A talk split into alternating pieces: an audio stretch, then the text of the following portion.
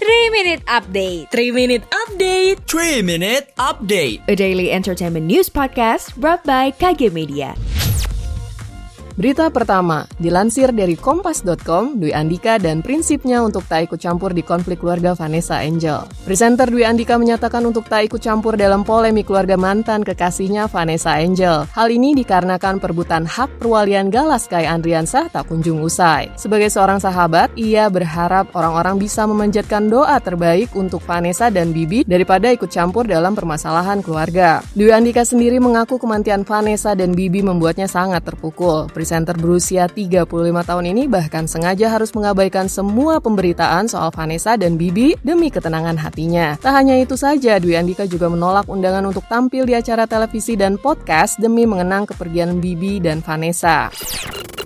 Sedang merintis bisnis baru, ingin menambah perspektif, atau ingin menambah motivasi dan kisah inspiratif? Dengarkan podcast Smart Inspiration hanya di Spotify. Persembahan KG Radio Network part of KG Media.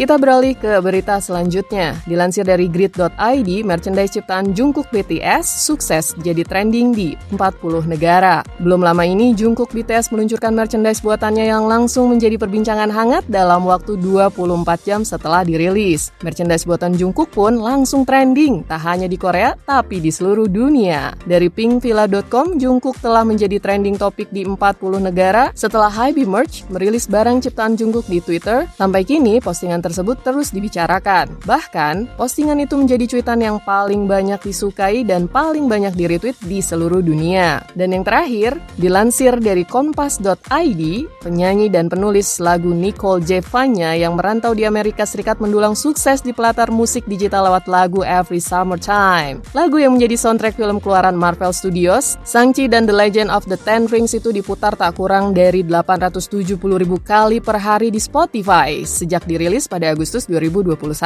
Niki mengatakan lagu Every Summertime rampung begitu cepat dan dia menulisnya dalam waktu kurang dari satu jam. Menciptakan lagu ini adalah salah satu momen ajaib yang terasa seperti sihir. Dan sekarang lagu ini menjadi salah satu lagu favorit sepanjang karir. Niki juga turut menulis dan memproduksi lagu ini bersama Jack O'Prey. Demikian 3 Minute Updates hari ini. Saya Indi Bright, pamit. Jangan lupa dengarkan update terbaru lainnya. Sekian update malam ini. Sampai ketemu di 3 Minute Update selanjutnya.